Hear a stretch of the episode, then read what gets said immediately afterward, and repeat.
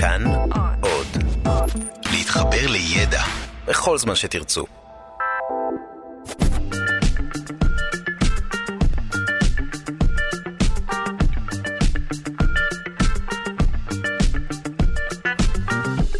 שלושה שיודעים. שלום לכם, חוקר ישראלי בנה מוח אנושי על שבב, מה שיאפשר לחקור את המוח כפי שלא היה ניתן עד כה, ויאפשר אה, לבחון תרופות למחלות ניווניות כמו למשל פרקינסון ואלצהיימר ביעילות ובדיוק רב, ללא צורך בניסויים בבעלי חיים. מדובר בפריצת דרך שעומד מאחוריה דוקטור מעוז אה, מהמחלקה להנדסה ביו-רפואית ובית ספר אה, סגול למדעי המוח באוניברסיטת תל אביב, ומיד אה, נדבר איתו. שלום לכם, אנחנו שלושה שיודעים בכאן תרבות. אני דודו ארז, ואיתי באולפן הביולוג פרופסור ניר קרן, מהמכון למדעי החיים באוניברסיטה העברית בירושלים. שלום לך. הנה, מיד ישמעו אותי, צריך להתקרב אבל למיקרופון, ואז ישמעו אותך. מצוין. ואנחנו נדבר איתך על מכניקת קוונטים, ביולוגיה והמפגש ביניהם. יש מפגש בין... אה, יש מפגש. יש מפגש ביניהם. ואנחנו נעסוק בעוד עניינים, מיד אנחנו נדבר על זה. במשך שנים חוקרים סברו שיש מים על הירח, אבל לא הייתה לכך הוכחה חד משמעית, אז עכשיו יש הוכחה חד משמעית. צוות חוקרים אה, בחן צילומים שצולמו בירח במהלך משימת החללית ההודית צ'נדריאן אחת בשנת 2008, וזיהה בוודאות שלושה מקומות שבהם יש בוודאות, שוב, קרח מים על פני הירח, מיד נבין מה זה אומר. ודיאטה דלת פחמימות עלולה, מסתבר, לקצר את החיים, כך קובע מחקר אמריקאי חדש, רחב היקף. עוד עולה מהמחקר שמי שאוכל חלבונים מהחי, גם כן מקצר לעצמו את החיים. זאת אומרת שעדיף חלבונים ושומנים מהצומח ולא מהחי. אנחנו מיד נדבר גם על זה וגם מדוע אנחנו מזדקנים. נדבר עם דוקטור מיכל חמו אה, עם כל הפרטים. והיום הוא יום הכלב הבינלאומי. מיד נדבר על uh, חברו הטוב של האדם שבוית לפני כ-33 אלף שנה. העורך שלנו הוא רז חסון. המפיקה היא ליטל אמירן על הביצוע הטכני די.ג'י אלון מקלר. תודה רבה ליגאל שפירא שמלווה אותנו. נזכיר לכם שאתם מוזמנים להאזין לשלושה שיודעים בכל זמן ובכל מקום באמצעות היישומון כאן אודי, יישומון חינמי לגמרי, וכך תוכלו להאזין לכל התוכניות של כאן תרבות, אם כמובן תורידו אותו. אה, תוכלו להוריד אותו כמובן בחנות האפליקציות בטלפון שלכם. טוב, אז עכשיו אה, דיברתי הרבה, עכשיו תורך לדבר. עכשיו תורי. שלום, אוקיי. אז אנחנו אה, רוצים לומר שוב אה, שלום למי שהגיע לכאן, פרופסור ניר קרן, שהוא ביולוג. אתה ביולוג, אני ביולוג. אבל אנחנו נתקוף אותך בשאלות שקשורות גם למכניקת קוונטים. כן. ותשמע, מדע בגדול אה, הוא מדע. זאת אומרת, אנחנו מנסים במדע להבין את העולם שנמצא סביבנו. כן. וכשהתחילו אנשים, כשהמתודה המדעית באה לעולם, היו מדענים, והם שאלו את כל השאלות שהיו סביב מדע. במשך הזמן הידע שלנו גדל והתפתח למצב שאנחנו חילקנו את המדע לדיסציפלינות שונות, והתפתחה הפיזיקה, והתפתחה הביולוגיה, והתפתחה הכימיה. ואנחנו נוטים היום לחשוב על הדברים האלה כדברים נפרדים, אבל בסופו של דבר, במהות, אנחנו, הביולוגים, הכימאים, הפיזיקאים, כולנו מנסים להתעסק בדיוק באותן בעיות, והבעיות הן להבין יותר טוב את העולם שנמצא סביבנו. אתה אומר שלא חייבים לחשוב על הכל בנפרד? לא, לא, אין... אין חלוקה אין בטבע חלוקה. של תחומים. אין חלוקה בטבע של תחומים, מעניין. וזה אנשים כמו, אתה יודע, ג'ון לוק, כשדיבר על ה... התייחס לאנציקלופדיסטים במהפכה הגדולה שניסו למיין את הדברים, לינאוס, שהכניס את הדברים לתוך קופסאות, כן. אמר שהפעילות הזאת של להכניס דברים ל- ל- לקופסאות היא מטבעה פעילות אנושית, ולא אנחנו מתארת את הטבע. ככה. אנחנו, כן. בשבילנו, נכון. כן, חייבים לעשות לעצמנו סדר ולקרוא לדבר מסוים פיזיקה, ולקרוא לדבר אחר אה, ביולוגיה. אבל במהות, כל הדברים האלה הם כולם חלק מאותה התנהגות טבעית. למעשה כרגע אתה. מכשיר אה, את האפשרות שתבוא למבחן בפיזיקה כתלמיד ותקבל שאלות בכימיה, כי זה הכל קשור. כי זה אה, הכל מקשה אחת. כן, אבל אם אנחנו נעשה את זה לתלמידים, אנחנו נעורר פחד ואימה גדולים. זה מה שאתם רוצים לעשות. לא, לא תמיד. לא לא, תמיד, לא, לא תמיד. אז בוא, באמת, אתה ביולוג באמת. אני ביולוג. אז רגע לפני שנגיע לחיבור, כן.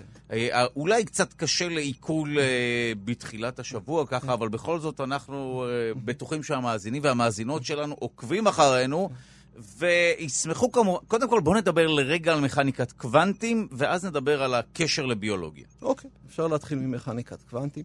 תראו, בגדול, בבסיס, בהבנה שלנו היום, כל הפעילויות ברמה האטומית הן כולן קוונטיות. עכשיו, העולם הקוונטי הוא עולם שקשה לנו מאוד לתפוס אותו בחוויה המיידית שלנו, כי אנחנו מכירים את המכניקה הקלאסית, היא מדברת אלינו.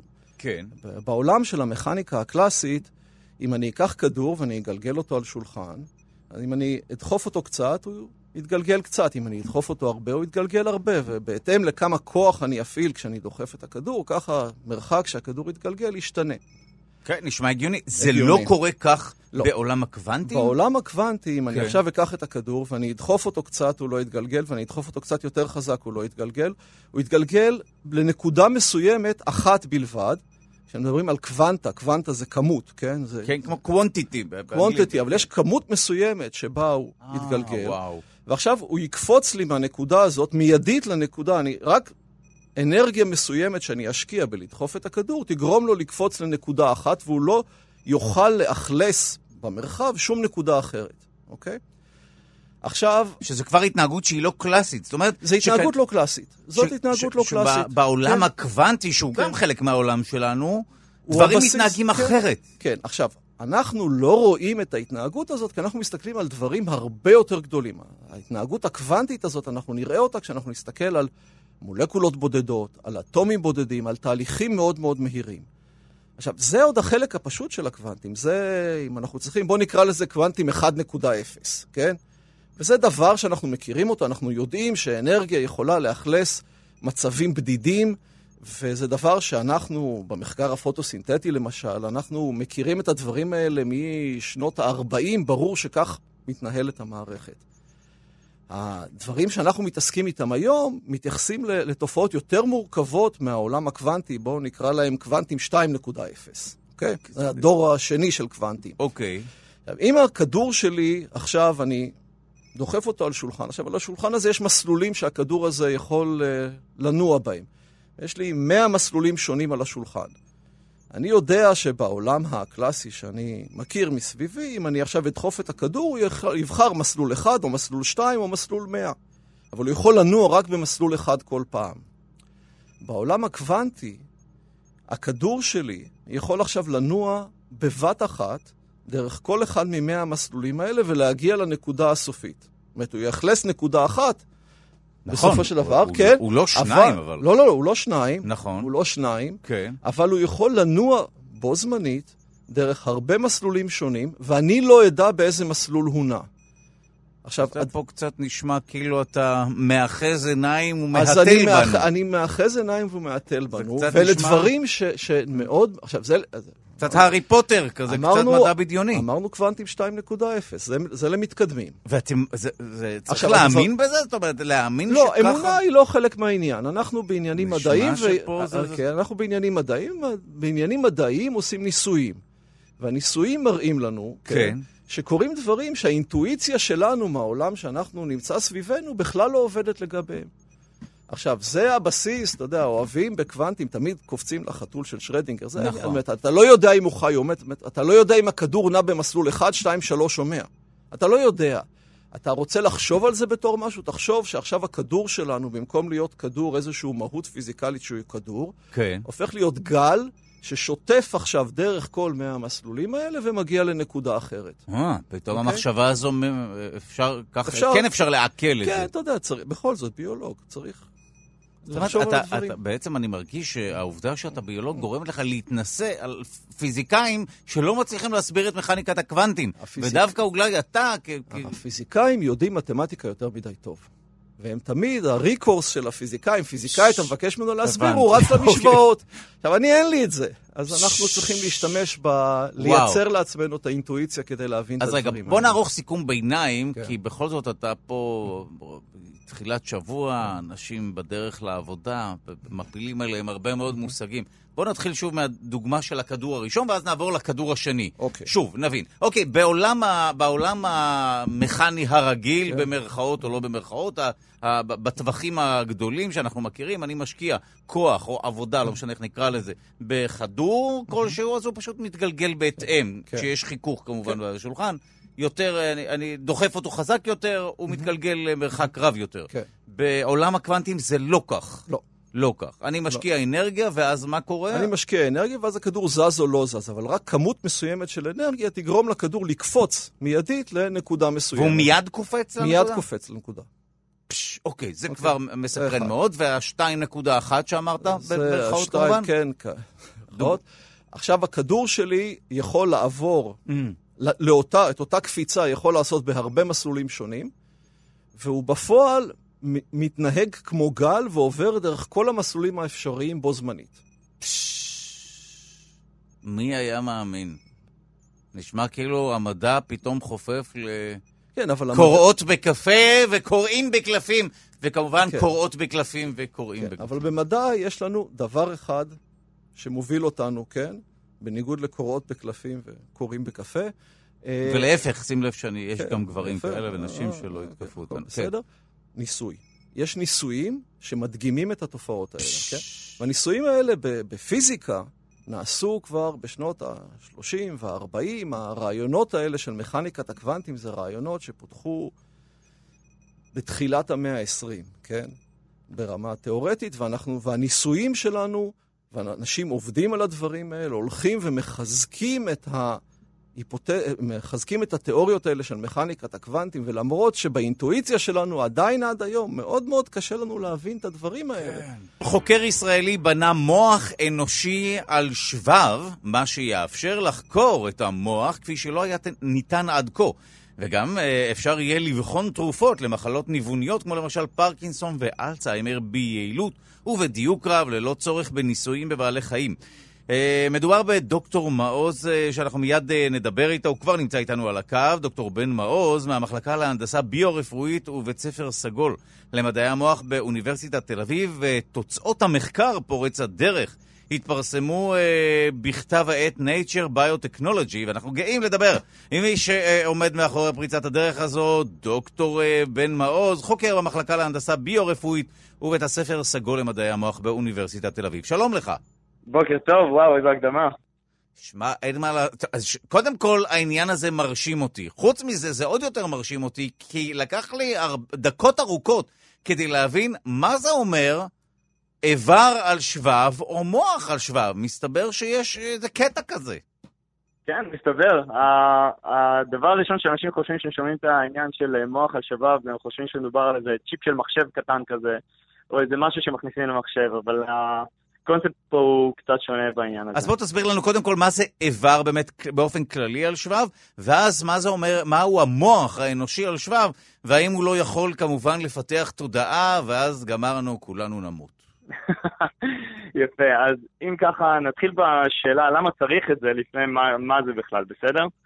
אז הנקודה היא שאם אתה מסתכל על התהליך הנוכחי של אה, פיתוח תרופות, אתה רואה שמתחילים בעצם, לוקחים כל מיני תאים במעבדה, רואים שהתרופה עובדת נהדר על התאים האלה, מה שחשבת קורה, ואז אנחנו עוברים לבעלי חיים, אה, לצערנו אין דרך אחרת, אנחנו לא ניקח הרי בן אדם וננסה עליו כל מיני כימיקלים בתרופות שאנחנו לא יודעים מה הם באמת עושים.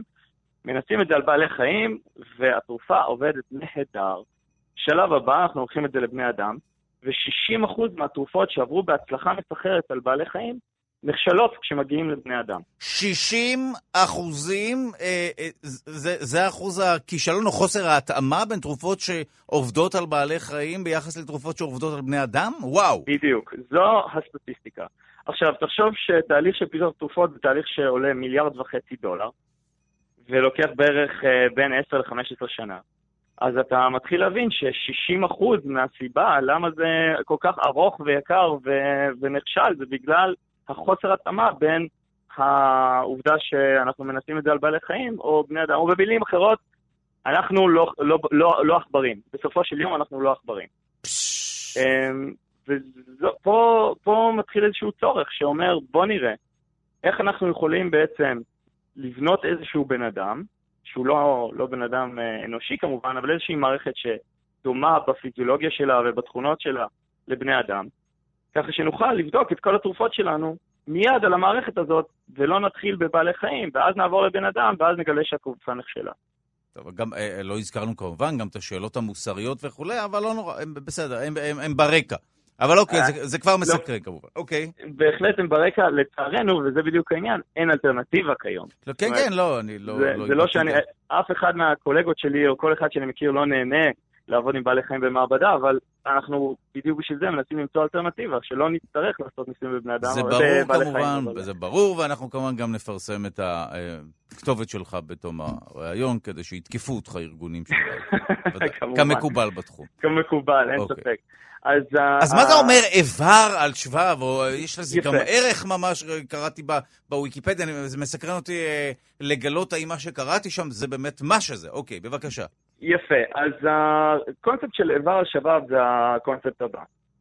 אם אנחנו בעצם רוצים עכשיו לקחת איזשהו איבר, בסדר? לבנות את הפונקציונליות שלו, את מה שהוא עושה, בעזרת תאים או רקמות של בן אדם, ואנחנו שמים את זה באיזושהי מחסנית מפלסטיק, אנחנו נקרא לזה איבר על שבר. עכשיו, מה הכוונה?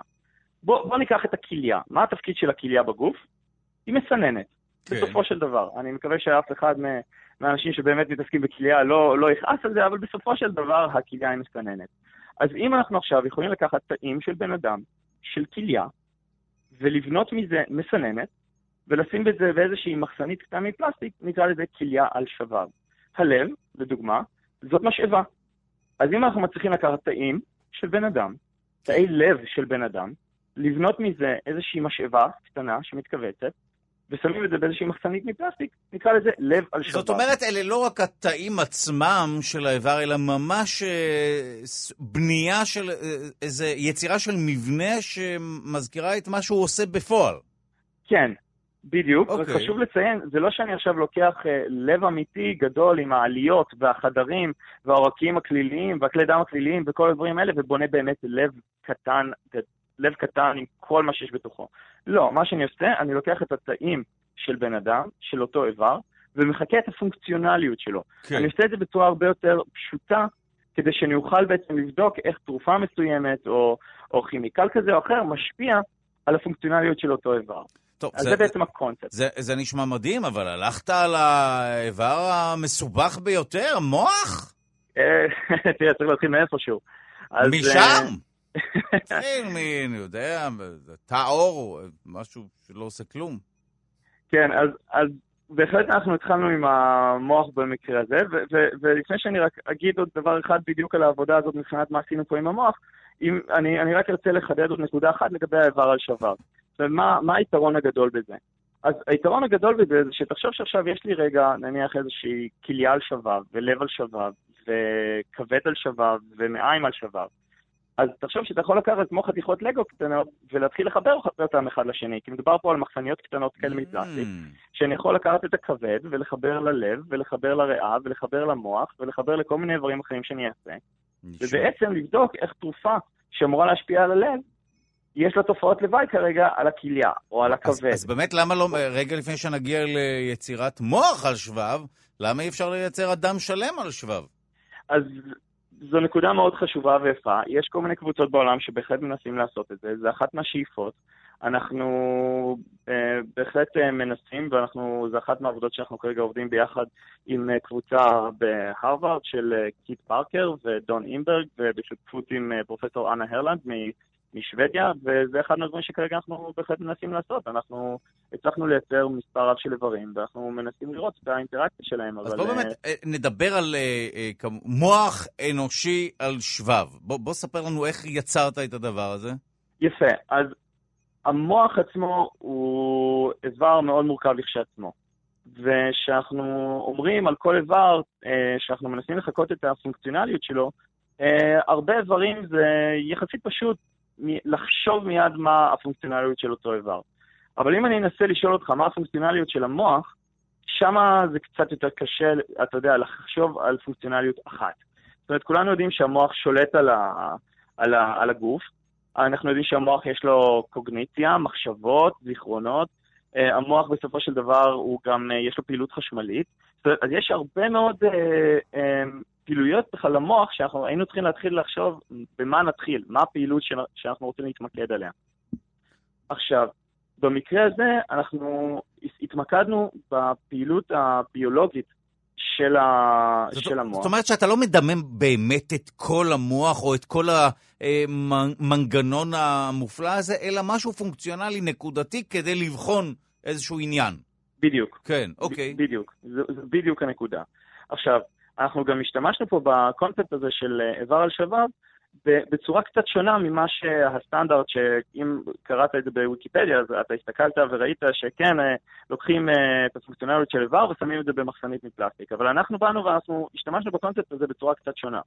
אנחנו לא אמרנו בוא ניקח הרבה איברים קטנים ונבנה מזה בן אדם, בוא ניקח איבר מורכב מאוד, נפרק את האיבר הזה בעזרת איבר על שבב, ואז יהיה לנו הרבה חלקים קטנטנים שבעצם ירכיבו לנו איבר אחד גדול ושלם. מה הכוונה? המוח שלנו, כמו שאמרתי, יש לו הרבה מאוד יחידות. אחת מהיחידות הכי חשובות זה היחידה שהיא בעצם הצומת בין הכלי דם של המוח לתאי עצב של המוח. והאינטראקציה הזאת היא חשובה לכל דבר שאנחנו עושים ביום-יום.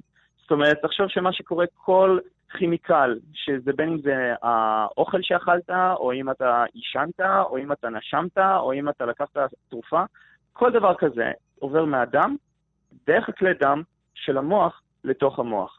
וזה משהו שמאוד מאוד קשה, עד בלתי אפשרי, לחקור אותו בבני אדם, אתה יודע, חיים. כי אי אפשר לקחת את המוח שלך או שלי, לחתוך אותו תוך כדי שאנחנו חיים ולהתחיל לראות מה קורה שם, okay, כמובן. כן. Okay. אז אנחנו מאוד רצינו ללמוד מה קורה בפנים. מה קורה באינטראקציה הזאת? עכשיו, האינטראקציה הזאת היא מאוד מאוד מאוד חשובה, עם השלכות מאוד מאוד גדולות, ולמה? בגלל שהכלי דם של המוח הם מאוד שונים מהכלי דם של שאר הגוף. הם כלי דם שנקראים מחסום המוח, הם יוצרים את מחסום המוח, שזה בעצם חרב פיפיות נהדרת. למה? רגע, אז, אז זהו, פה, זו נקודה שאולי שווה לרגע לעצור. אתם באמת התמודדתם, או אתה, אה, עם, אה, עם, עם עניין המחסום דם-מוח, שאנחנו בעצמנו למדנו כאן ב, רק בשבועות האחרונים בתוכנית שלנו. אה, ש, מה זה אומר? זה אומר שהדם לא זורם... במרכאות כאוות נפשו לתוך המוח, אלא יש איזה פילטר שם. בדיוק, בדיוק. אז כן, העבודה הזאת נעשתה בשיתוף אה, פעולה, כמו שאמרתי, עם אה, אנה הרלנד משוודיה ועוד אה, שתי קבוצות מהרווארד, קיט פארקר ודון אינגבר. כן. כאשר מה שעשינו בעבודה הזאת, וזה בדיוק הנקודה המאוד מאוד חשובה, זה מחסום המוח. כמו שאמרת, מחסום המוח הוא פילטר, אבל פילטר מאוד אגרסיבי. ומאוד מיוחד. כן, שמונע ש... בגדול uh, ממה שלא צריך להגיע למוח, לא להגיע אליו, נכון? בדיוק, כן. בדיוק. הוא, הוא מחליט שכל, שהמולקולות האלה לא נכנסות, כי אלה כן נכנסות, uh, חיידקים לא נכנסים, וזה נהדר. זאת אומרת, זה, זה סך הכל נהדר, כי זה מאוד שומר לנו על המוח. זה גורם לזה שאתה יודע, כל החבר'ה הרעים שלא אמורים להיכנס, או כל מיני uh, רעלנים, לא ייכנסו. אבל מצד שני, זה גם מונע כניסה של תרופות לתוך המוח. Mm, נכון. כי, ו, וזו הבעיה המאוד מאוד גדולה פה בסיפור. אז אנחנו יצרנו את מחסום המוח, כדי להתחיל לראות, קודם כל, איזה תרופות יכולות לעבור או לא לעבור דרך מחסום המוח, ומצד שני גם לראות מה האינטראקציה של מחסום המוח עצמו עם העצבים של המוח, עכשיו, עם תאי זה... העצב, עם הנוירונים שבמוח. עכשיו, זה מנגנון ש... שמה, שברבות הימים כל חוקר יוכל אה, לזכור, לקחת ולבחון עליו תרופות? אז על... אנחנו שואפים לזה, זאת אומרת, העבודה פתוחה לכולם. אה, כל מי שרוצה יכול אה, לבוא ולקרוא את המאמר, לראות איך עשינו את זה. אה, ואנחנו כמובן שמחים לשתף פעולה עם אנשים ולהסביר להם וללמד אותם את השיטה. הרעיון פה הוא בדיוק זה, ש, שאתה תוכל, בין אם זה חברת פארמה או, או חוקר, יוכל לבוא ולקחת את המערכת הזאת של האיבר על שבב, לבנות את אותו איבר שהוא רוצה, בין אם זה עכשיו המוח או דבר אחר, ולבדוק את התרופות שלו או אם הוא בודק מחלות, את המחלות או דברים אחרים בעזרת המערכת הזאת. עכשיו, אני רק אציין פה שני דברים כן. שחשוב לי להעביר. אחד, זה שמה שאנחנו בעצם גילינו בעזרת המערכת הזאת, זה שכמו שאמרת, הכלי דם של המוח זה בעצם כזה איזה פילטר. אבל מה שאנחנו גילינו במערכת הזאת זה שהכלי דם של המוח זה לא רק פילטר ולא רק צינור. זה איזו שכבה אקטיבית שעושה דו-שיח ותקשורת עם הנוירונים במוח. זה לא מסתכם רק בזה שזאת איזושהי מסננת, זה ממשיך הרבה מעבר לזה שהכלי דם של המוח אה, משחררים כימיקלים, אה, לועסים קצת את האוכל בשביל הנוירונים, והם ממש יש להם השפעה ישירה על גודל הפעילות של הנוירונים במוח. זה קודם כל מה שגילינו שם, זה הדבר הראשון. דבר שני שאנחנו גילינו, זה שאנחנו בעצם הכנסנו סמים למוח. הכנסנו סמים, קריסטל מאט, שזה הסם הזה משובר שורות, וקודם כל רצינו לראות מה הוא עושה לכלי דם של המוח. זאת אומרת, סיממתם את המכונה, יצרתם מוח מלאכותי וסיממתם אותו. בדיוק, בדיוק. תקשיב לי, אתם חולי נפש. עכשיו, אנחנו קודם כל ראינו שהתגובה של הכלי דם שלנו יש בשבב שלנו היא, היא בדיוק אותה תגובה כמו שיש לאנשים מסוממים שלוקחים את הסם הזה. זאת אומרת, ראינו שהוא פותח את המסננת וראינו שהוא משנה שם כל מיני דברים. אבל דבר שני שגילינו זה אנחנו בעצם ראינו שהצלחנו להיכנס לכל מיני מנגנונים ביולוגיים שלא היה ניתן לזהות אותם אה, לפני. והמערכת הזאת בעצם עזרה לנו לגלות כל מיני מנגנונים ביולוגיים, איך אה, הסם הזה משפיע לנו על המוח. אני אה, רוצה לשאול אותך כמובן השאלה המתבקשת לסיום. האם אפשר באמת לבנות אה, מוח על שבב אה, כל כך מפורט, שבסופו של דבר, בנקודה כלשהי, נקודה קריטית כלשהי, הוא פתאום יתחיל אה, לפתח תודעה? יפה, שאלה יפה. אני לא, אני לא חושב שמישהו היום עוד כל כך מבין את uh, עניין התודעה במובן הזה. אז האם אתם ו... לא משחקים שם, uh, ב...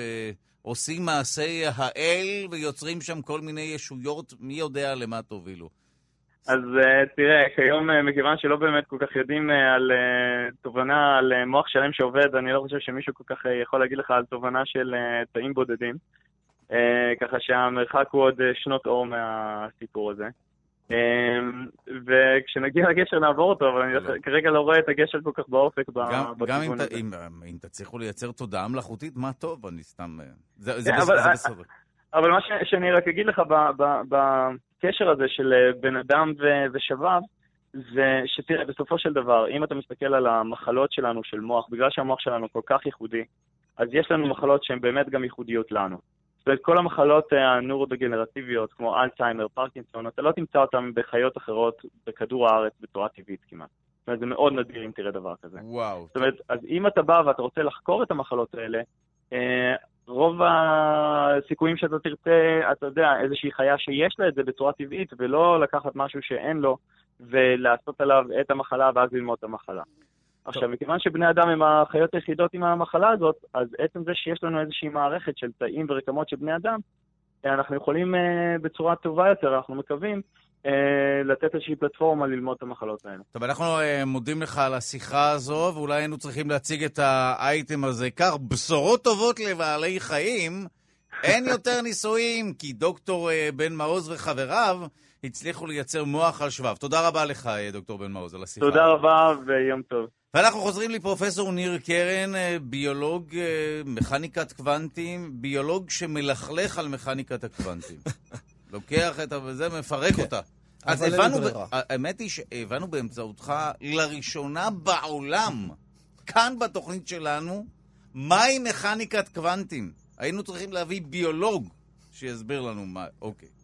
אולי פעם הבאה נביא סטייליסטית, או סטייליסט. אני, גם גבר, גם אישה. פעם אוקיי. הבאה תביאו פיזיקאי, שיסביר לכם מה זה פוטוסינתזה. איך נכון להתלבש בחורף הקרוב. איך נכון להתלבש בחורף אוקיי. הקרוב. כן. טוב, אז דיברנו באמת על מכניקת קוונטים. עכשיו, בואו נדבר על פוטוסינתזה, כן. אותו תהליך שאנחנו אולי לומדים מתישהו בבית ספר, הטמעת אור, הדרך שבה איכשהו כן. הטבע מחולל את הנס הזה של... אז בואו קודם כל נסתכל על התהליך בגדול. אוקיי. בגדול אנחנו יודעים, כן?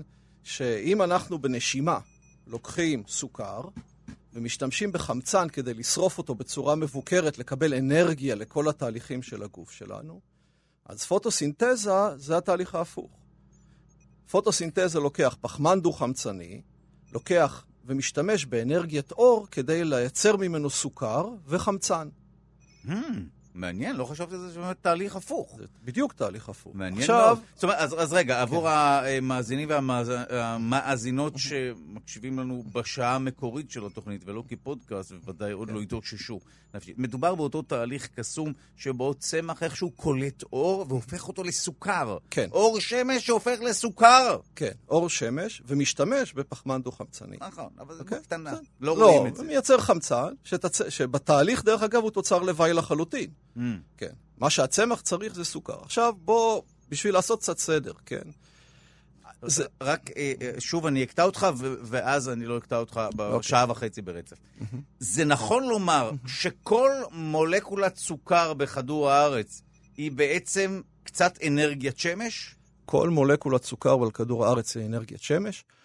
כמעט כל האנרגיה שמשמשת לקיום חיים על פני כדור הארץ נוצרה בתהליך הפוטוסינתזה. זה התהליך החשוב שמש. ביותר על פני כדור הארץ. נקודה. כל מה שאני אוכל, אכלתי כפית סוכר, זה שמש. אכלת סטייק, זה פרה שאכלה צמחים, שהשתמשו באנרגיית שמש כדי לייצר את הסוכר הזה. עכשיו תגיד לי את אותו דבר רק עם קינוע, כדי לא להרגיז את המאזינים. עם קינוע... אכלת... עם ארטיק. תחליף. קרטיב, ארטיק זה שם של חברה, נפלנו שוב. אוקיי, אה, קרטיב, אוקיי, בסדר גם. עכשיו אני לא אקטע אותך, בבקשה. יפה. עכשיו, זה התהליך. עכשיו, התהליך הזה איתנו, אנחנו מעריכים סדר גודל של שלוש וחצי מיליארד שנה. זאת אומרת, יש הרבה, יש לו, באבולוציה, סך הכל כדור הארץ, אנחנו מדברים ארבע וחצי מיליארד שנה. הוא הרבה מאוד זמן איתנו. התהליך הזה הוא תהליך שכל החמצן שנמצא באטמוספירה של כדור הארץ, כן, בערך 20 אחוז חמצן, הכל נוצר על ידי פעילות ביולוגית בתהליך הפוטוסינתזה. זאת אומרת, החמצן אה, ברובו, לא ברובו, כולו, כולו, כולו נוצר כחלק מתהליך ביולוגי שהיה כן, כאן, לגמרי. חוליות, בזמנו דיברנו, כן, כן, כן, כן. חיידקים, משהו יצר את זה. כן. משהו כאן בכדור הארץ. משהו כן. כאן בכדור הארץ. מה שכדור הארץ התחיל היה מעט מאוד חמצן באטמוספירה. זה קצת נותן תקווה שאם נפזר כל מיני כחוליות, אה, שזה ציאנו-בקטריה, כן. או אצות, או לא יודע מה, בכוכב לכת אחר, אולי נצליח לייצר אטמוספירה טובה. מדהימה לנו. זה מה שזה עשה בכדור הארץ. אז זה קדימה. בדיוק מה שקרה, אה, רק צריך להגיע. מדוע לא להרעיל את מאדים עם אה, כחוליות, לייצר אטמוספירה? קודם שנגיע, ואז ננסה. יש, יש פוטנציאל. רכב, כן, מעניין. צריך מים. כן. מים. אוקיי, מי תגיד? כן. עכשיו, רק בשביל לעשות סדר, עכשיו, צמחים עושים פוטוסינתזה ובעלי חיים נושמים. זה יותר מורכב מזה. צמחים עושים פוטוסינתזה, צמחים גם נושמים. הם כן צריכים את ה... כי ב... כן, הם צריכים חמצן. יש לילה. נכון. אמרת, כן? נכון, נכון. עכשיו, צמחים נושמים גם ביום. רק שצמחים עושים הרבה יותר פוטוסינתזה ממה שהם נושמים.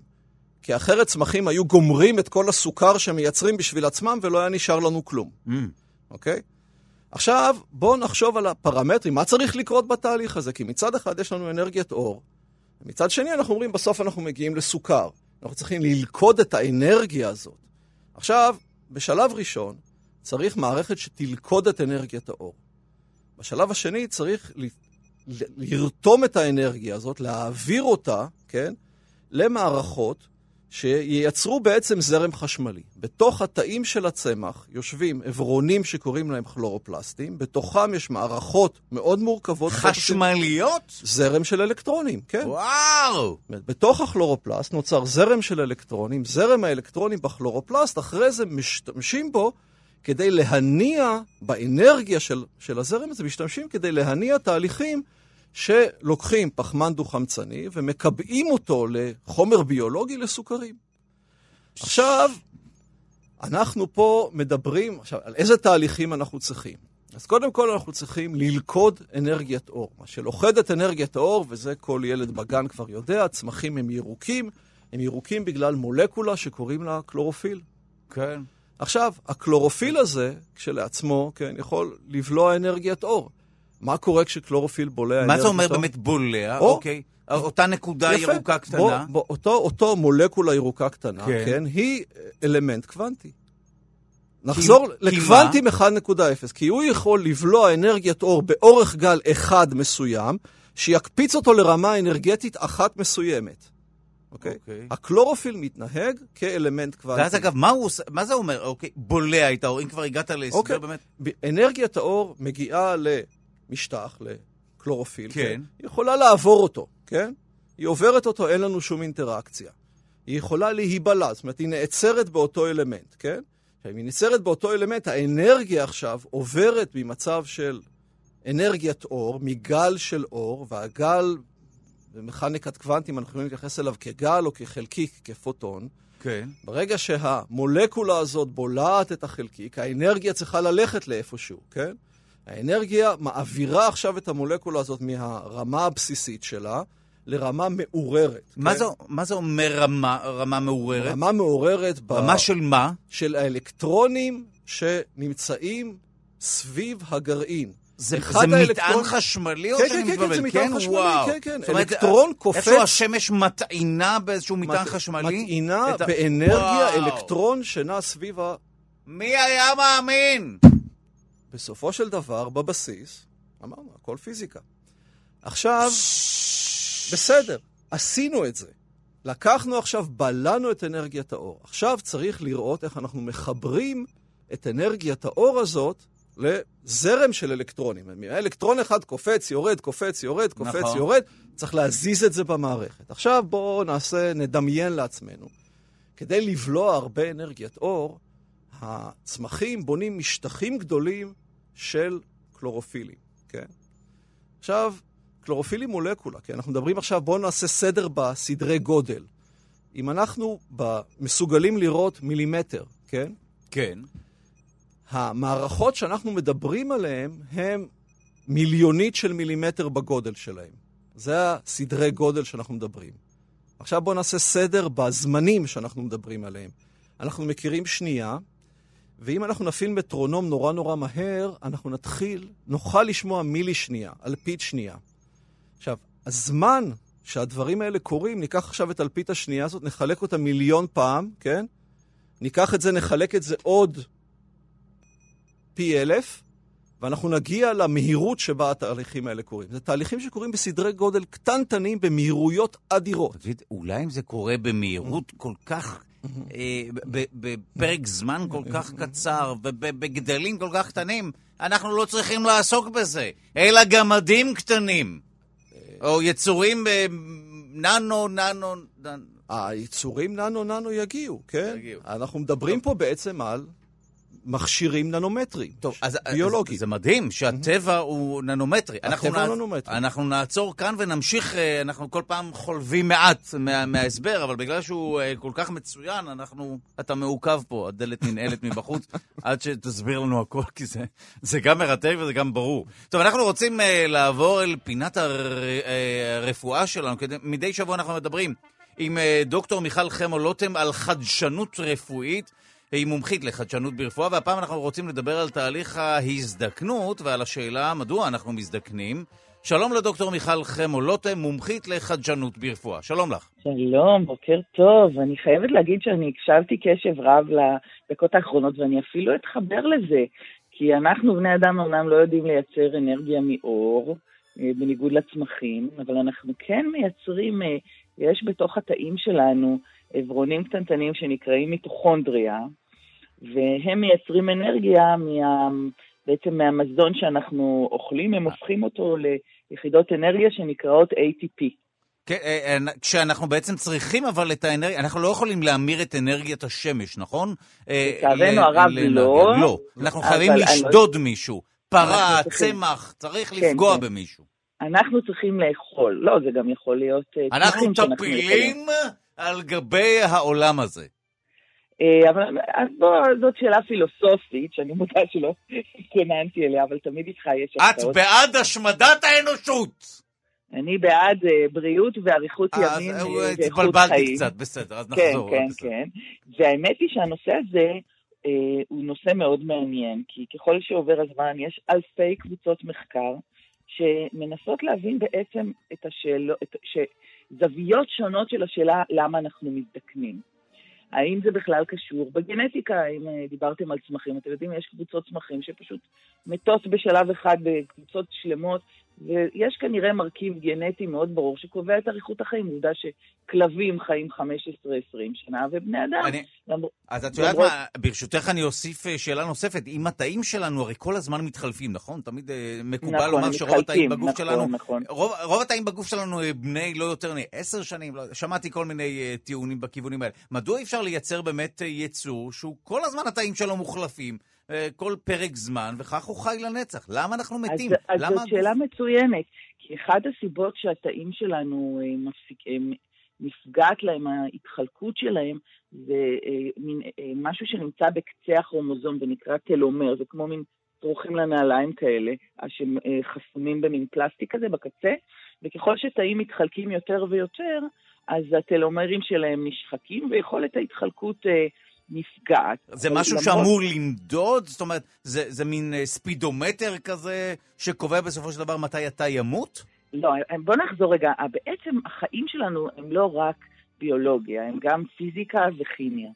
זאת אומרת, כשאנחנו מסתכלים על גוף האדם, הוא מושפע מהרבה מאוד דברים שהם מעבר לביולוגיה. יש למשל חוקרים שאומרים שכל ההזדקנות היא בכלל תופעות פיזיקליות ברמת התא והמולקולות. אני דווקא רוצה היום להתייחס למשהו אחר, זווית אחרת של הנושא הזה, שזה אה, אה, ספרו של דוקטור אלכס ארדיטי, שהוא בכלל פנימאי, וכתב ספר שנקרא רפואת האנטי-אייג'ינג, אה, שיצא בעברית בהוצאת פוקוס. אני הגעתי לספר הזה כי בשנים האחרונות אני חוקרת אה, החוצה ופנימה תחום שלם שנקרא רפואה פונקציונלית. Okay. אוקיי. החוצה זה שאני פשוט קוראת על זה כל מה שאפשר, כי זאת רפואה מאוד מעניינת. היא אומרת, בואו ננסה להבין בכל תופעה שיש, מה הסיבת השורש שלה.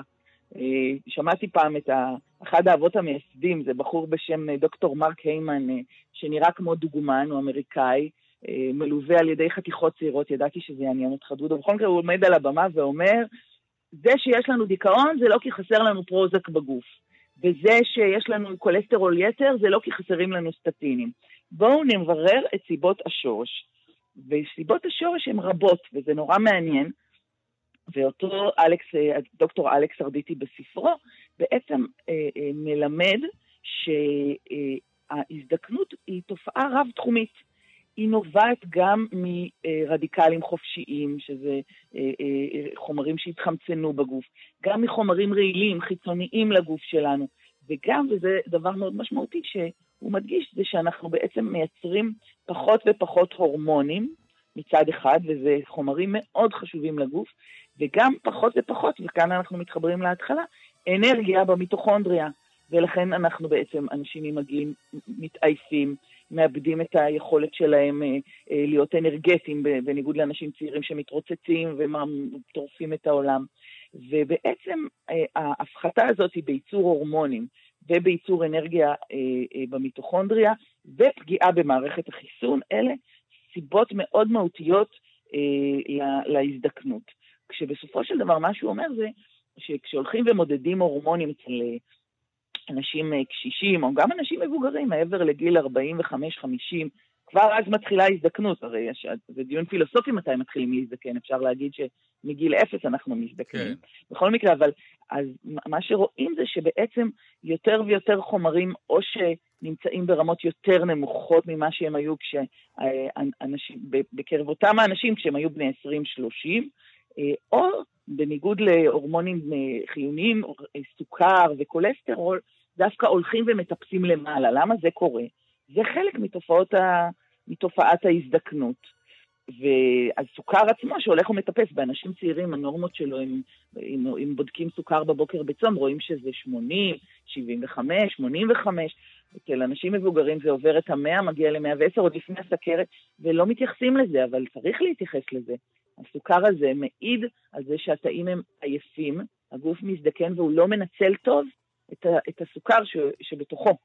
וזה מאוד מאוד אה, חשוב, כי אותו הסוכר הוא גם קשור להזדקנות, כי הוא עושה סחרור, גליקציה של תאים, וככה הוא פוגע בהם, בתאי כלי הדם, בתאי העיניים, בתאי הכליה.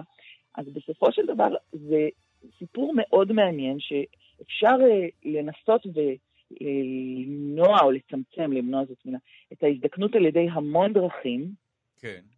אם זה תזונה נכונה, ואם זה פעילות גופנית, ואם זה אפילו חברים, וחיים שמחים, וצחוקים, כמו שאתה תמיד עושה בתוכניות שלך. אבל גם, אה, ובזה אה, מאוד מעניין, על ידי תוספים נוגדי חמצון, ויש גם אפשרויות לטפל ב, אה, ולהחזיר את ההורמונים החסרים האלה לגוף. אני, אני עצמי עורכת על עצמי ניסוי מעניין בשנים האחרונות, שבו אני מנסה את כל מה שמוכח בספרות, במידה כמובן, ומה שמתאים לי, ואני ב...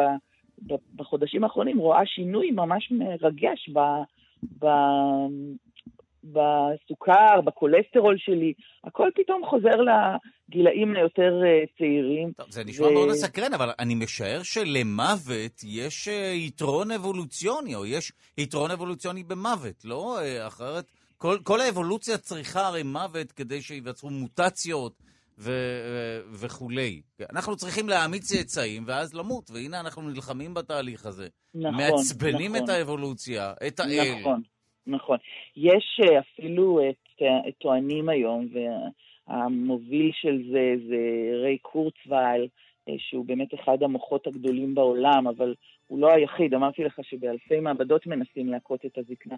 שאנחנו עומדים לפני, בגלל העולם הממהר והקצב המואץ של הטכנולוגיה, שאנחנו עומדים לפני אה, אה, מה שנקרא כרגע גם המהפכה התעשייתית הרביעית, שבסופו של דבר אה, תייצר חיבור בין אה, man and machine, בין המוח האנושי לאינטרנט, ואפילו סטארט-אפ של אה, אילון מאסק שמנסה לעשות את זה, ושבעשרות שנים הקרובות יהיה מפץ כזה, שיהיה מיזוג בין הדיגיטלי לביולוגי לפיזיקלי. שאם תחשוב על כמה אנחנו מכורים לסמארטפון שלנו, אז תראה שכבר התמזגנו, למרות שזה לא מיזוג אורגני עם הדיגיטל. הפסקנו לחיות אה, ביולוגית. ובאמת יש אה, שאלות אדירות, ש... וקוראים לדבר הזה הסינגולריות. לחיבור הזה שצופים שיקרה באותם עתידנים, אותו ריי קורטוול שהזכרתי ואחרים, ב-2040-2050, זאת אומרת, יש לנו סיכוי לחוות בזה. בכל מקרה, אנחנו חיים בעידן מאוד מעניין. אנחנו כבני אדם עושים את הניסוי הכי גדול במין האנושי שעשינו אי פעם. טוב, זה, זה, באמת, אה, זה באמת אה, נשמע מרתק, אבל ברשותך, את תוכלי להשלים כמובן את המשפט, אבל אנחנו כן אולי נחלץ ממך תובנות, או לא אומר עצות, כי זו לא תוכנית עצות, אבל מה, מה כן הוכח כמאריך חיים בסופו של דבר? אז אה, יש באמת הרבה מאוד מחקרים. רק אה, באמת להשלים את המשפט, כן, כן, אז אני כן חושבת שזה מאוד מעניין להתבונן אה, בעולם הממהר הזה, בכל הטכנולוגיות. כל מי שמרגיש שהוא לא מצליח אה, ל- ל- לנשום, אז אה, זה לא במקרה. ואם כבר אנחנו אומרים על עצות, אז למשל, אחת העצות הכי מצחיקות זה לעשות רק דבר אחד באותו זמן, לא לעשות מולטיטאסקינג. זה מאוד מעייף את המוח שלנו, הוא לא בנוי ל multitasking, זה פוגע בתפקודים שלנו, והיכולת להתרכז, לא סתם מדיטציה, מיינדפולנס, זה דבר שהוכח כמאוד מאוד בריא. גם כמובן פעילות גופנית, לאו דווקא, דווקא אקססיבית, פעילות גופנית מתונה, מהנה, בריאה, תנועה, לא לשבת, למשל זה שאנחנו, מחקרים מראים שאחרי 30 דקות שאנחנו יושבים על הכיסא, אנחנו מתחילים אה, אה, לייצר יותר רדיקלים חופשיים, אה, והגוף שלנו צריך, וזה מצחיק, אפילו אם אתה נעמד לרגע אחרי חצי שעה, שעה, עומד על קצות האצבעות, מניף קצת את הידיים למעלה, כבר אתה מפעיל את הגוף שלך ו- ועושה לו טוב. אותו דבר התזונה. יש פה דברים שכל ה... אתה יודע, כולנו יודעים, אבל אנחנו מתקשים ליישם. אם אנחנו מעיפים את הסוכר או מצמצמים אותו, אנחנו כבר אה, יכולים להבטיח לעצמנו שאנחנו עושים אה, משהו טוב לגוף שלנו. ככל שאנחנו אוכלים אוכל שהוא יותר קרוב לייצור שלו, לטבע, כמה שפחות אנחנו... מעובד, כן, אוקיי. בדיוק, העיבוד, כל החומרים שאנחנו מכניסים במזון כדי שהוא יאריך ימים על הסופר, הם ביחס הפוך לבריאות של המזון. ככל שהמזון יותר טרי, יותר מוכן בבית, אין מה לעשות, אם רוצים. והדבר הכי נחמד זה חברים וקהילה. זאת אומרת, כל יום שבת, לך לך עם חברים, תרכב על אופניים, מובטח לך גם קהילה וכיף וגם בריאות. או לך לבריכה ותפטפט אחרי הבריכות שלך. את, את כל העצות קניתי חוץ מהאחרונה. אני, אני לא בעד בדידות. לא, כל החברים. אתה בעד בדידות? אכילות הראש האלה. בבתי קפה, והקשקושים האלה. או, תעשה את זה על אופניים, תעשה את זה תוך כדי ריצה. זה, אוקיי, זה אני מוכן. אם מישהו רוצה לדבר איתי בריצה, בכיף. אוקיי, אבל, אבל טוב, אה, זה כמובן נושא מרתק. אה, ואנחנו מודים לך על השיחה הזו, אה, דוקטור מיכל חמו-לוטם, מומחית לחדשנות ברפואה. אה, גם אפשר לגלוש, אגב, למגזין החדשנות הרפואית Beyond Medicine. כן. שם פורס, פורסם הפרק הראשון של, דוקטור, של הספר של דוקטור ארדיטי, וכל מי שרוצה לקרוא בדיוק על כל האלקטרונים והביוכימיה שלנו. זה באמת מרתק. שוב תודה לך על השיחה הזו. ולהתראות, אנחנו מתקרבים לסיומה של השעה הראשונה שלנו. בשעה הבאה נעסוק במים על הירח. כן, כן, יש מים על הירח, ואם נפרק את המים האלה, נוכל, אתה, אתה מוזמן כן, כמובן ל... נוכל, כן. ליהנות גם... כן. גם. למה לא בעצם? למה לא? מה חסר שם? לא, לא, חמצן, גם בכדור לא הארץ לא היה חמצן. לא, בכדור הארץ לא היה חמצן. כן. לא חסר כלום. חסר אטמוספירה, חסר, אה, אתה יודע. בוא יש, אה, נייצר את זה. או, לאט לאט. דיברנו על פוטוסינתזה, התחלת בעצם, אה, סיפרת לנו שזה תהליך שבו הכלורופיל או הקלורופיל קולט אנרגיית אור, מה זה אומר? משהו קורה לו מבחינה חשמלית אפילו, נכון? הוא נטען באיזה מין אנרגיה חשמלית כתוצאה מאור השמש, ואיך הדבר הזה הופך לסוכר בסופו של דבר? אוקיי. אז אמרנו שאנחנו מדברים על מכונה בסדרי גודל ננומטרים, נכון. שעושה את העבודה הבאה. היא לוקחת אנרגיית אור וממירה אותו לזרם חשמלי. עכשיו, בואו נדמיין לעצמנו איך המכונה הזאת בנויה, וקלורופילים הם מולקולות שמסוגלות, כל אחד מהם יש לו מין סוויץ' כזה, הוא קולט אנרגיית אור, קופץ למצב מעורר, נטען באנרגיה. עכשיו בואו נדמיין לעצמנו שדה של כאלה מולקולות קלורופיל, שיש בו מאות קלורופילים, שאחד מהם קולט את האנרגיה, ובתוך השדה הזה יש יחידה אחת ספציפית, מרכז ריאקציה, כן? זה המפעל כוח, שבו קלורופיל לא רק בולע את האנרגיה והאלקטרון שלו קופץ לרמה אנרגטית גבוהה, הוא בעצם מאבד את האלקטרון, האלקטרון עוזב אותו. וואו. האלקטרון נע לנשאי אלקטרונים שונים, ואלקטרונים. שנעים, זרם חשמלי. וואו! אוקיי? עכשיו, אנחנו צריכים לחשוב על מאות קלורופילים, שבאחד מהם פוגע אנרגיית אור. אנרגיית האור, עכשיו, האנרגיה הזאת צריכה לעבור דרך השדה הזה של הקלורופילים לאותו מרכז ריאקציה. כן. איך היא עוברת לאותו מרכז ריאקציה? שנים, כשאנחנו הכרנו, אני, כשלימדו אותי את התהליך הזה, דיברנו על תהליכים שהם uh, מהעולם של קוונטים 1.0, כן?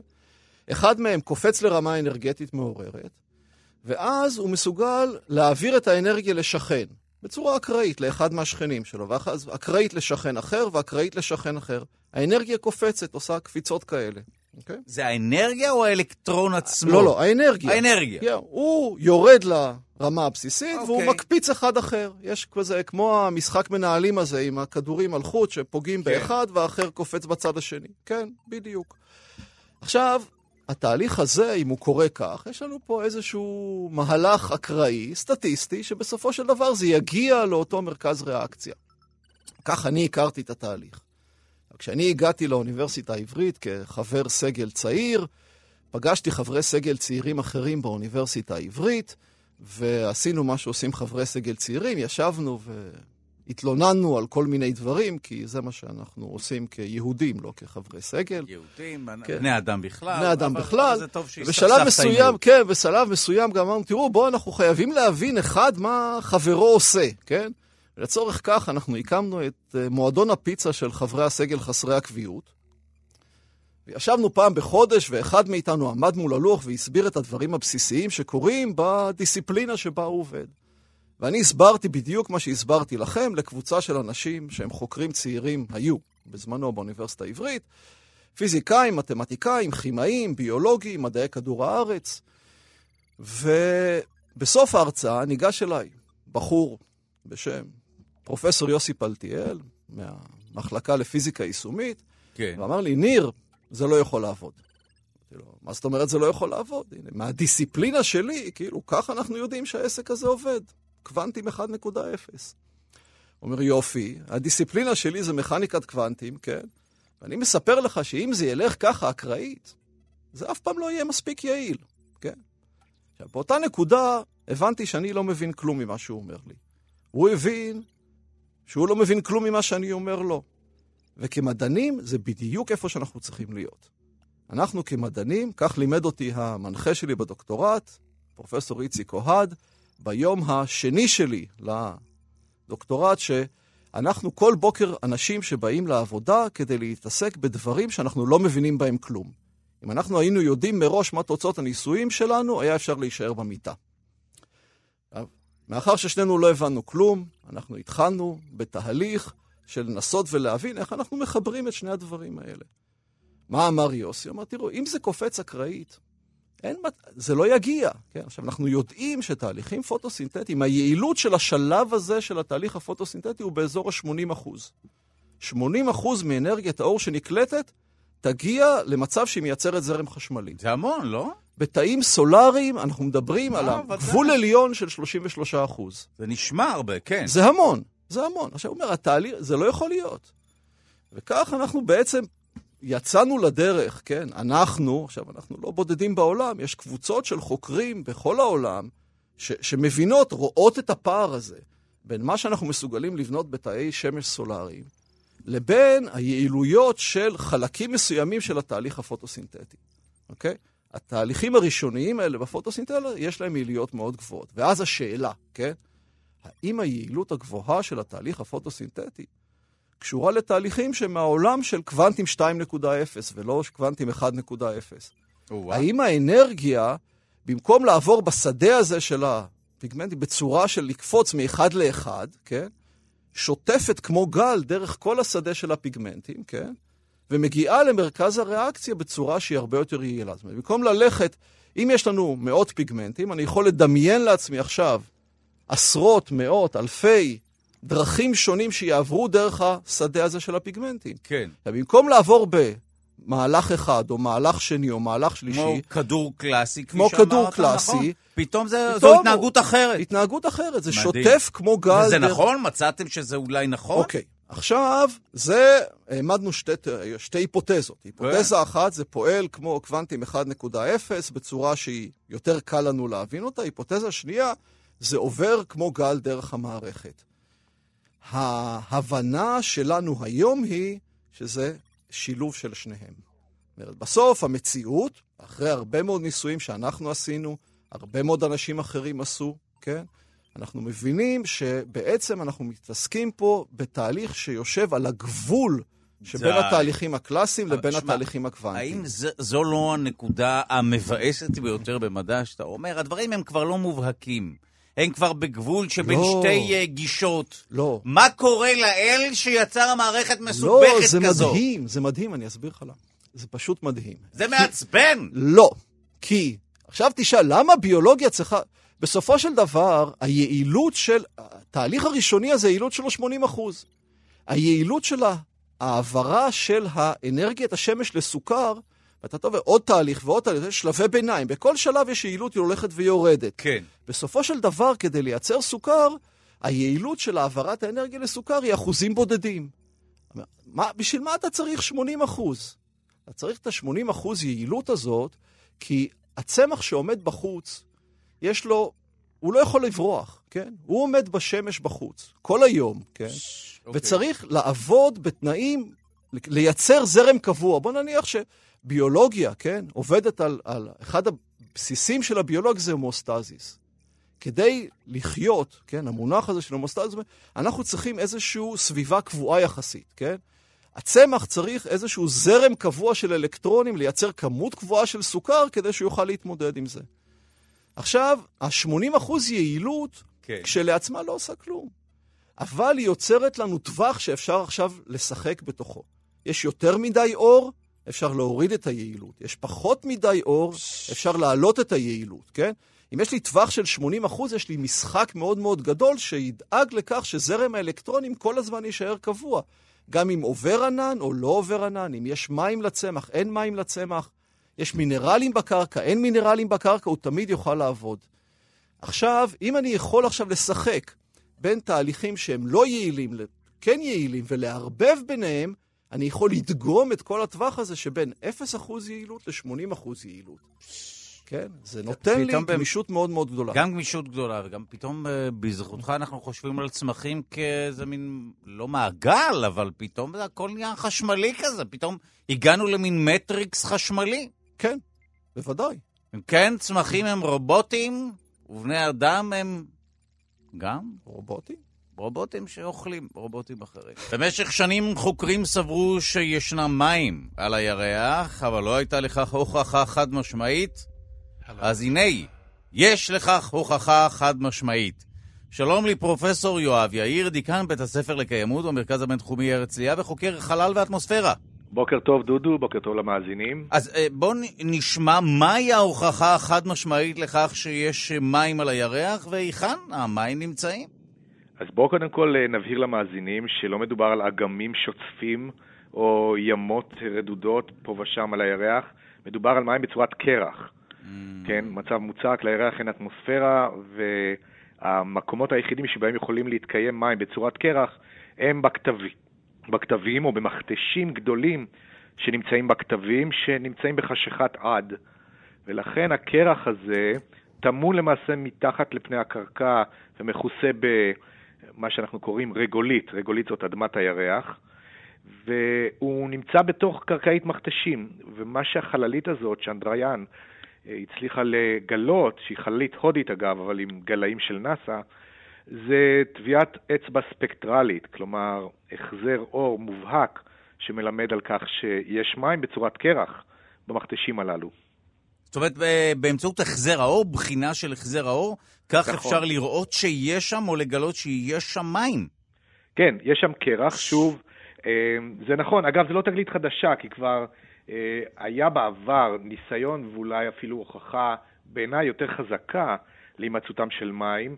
זה כשחללית קודמת של נאס"א שיגרה, איך לומר, קליע בליסטי לתוך האזור הזה, והיא חוותה או מדדה את הענן של הרסיסים בעקבות אותה התפוצצות, וגם שם מצאו שרידים של מים, הפעם כמובן בצורת עדים. אז uh, אני אומר, התגלית הזאת היא משמחת, היא חדשה, בעיקר בגלל שהיא ממפה את השטח הנרחב שבו הקרח הזה מצוי, מה שכמובן מעלה את האפשרויות להשתמש בקרח הזה בתור תחנת דלק עתידית למושבות ירח או לבסיס ירח ממנו נצא ליעדים נוספים במערכת השמש. כי, זאת אומרת, מה אפשר לעשות עם מים בירח? אפשר לפרק את המים לבין היתר חמצן שאפשר לנשום, או שזה מופרך? לא, לא, בדיוק זה מה אה, שאמרת. כן? כן, כן, זאת בדיוק הכוונה. ברגע שיש לך קרח, אתה יכול להפשיר אותו ולהפוך אותו אה, למימן ולחמצן, את החמצן לנשום, ואת המימן להשתמש בו לדלק, להנעת... אה, נכון, נשמע אה, מעולה. כן, כן, ודאי. עכשיו, למה זה מעניין? משום שאחת התוכניות אה, בעשורים הקרובים היא להקים לונר סטלמנט, כן? אחזו אותו, התנחלות על הירח, וממנה אה, לצאת למסעות ליעדים נוספים במערכת השמש, כי עלות השיגור מהירח היא הרבה הרבה יותר אה, זולה ופחותה, אתה צריך הרבה פחות אנרגיה, כי כוח המשיכה הוא רק שישית מכוח המשיכה של כדור הארץ, ולכן מהירות הבריחה, כלומר היכולת שלך להתנתק ולצאת אה, למסע בחלל, היא הרבה יותר קלה, ולא צריך לבנות טילים כאלה ענקיים.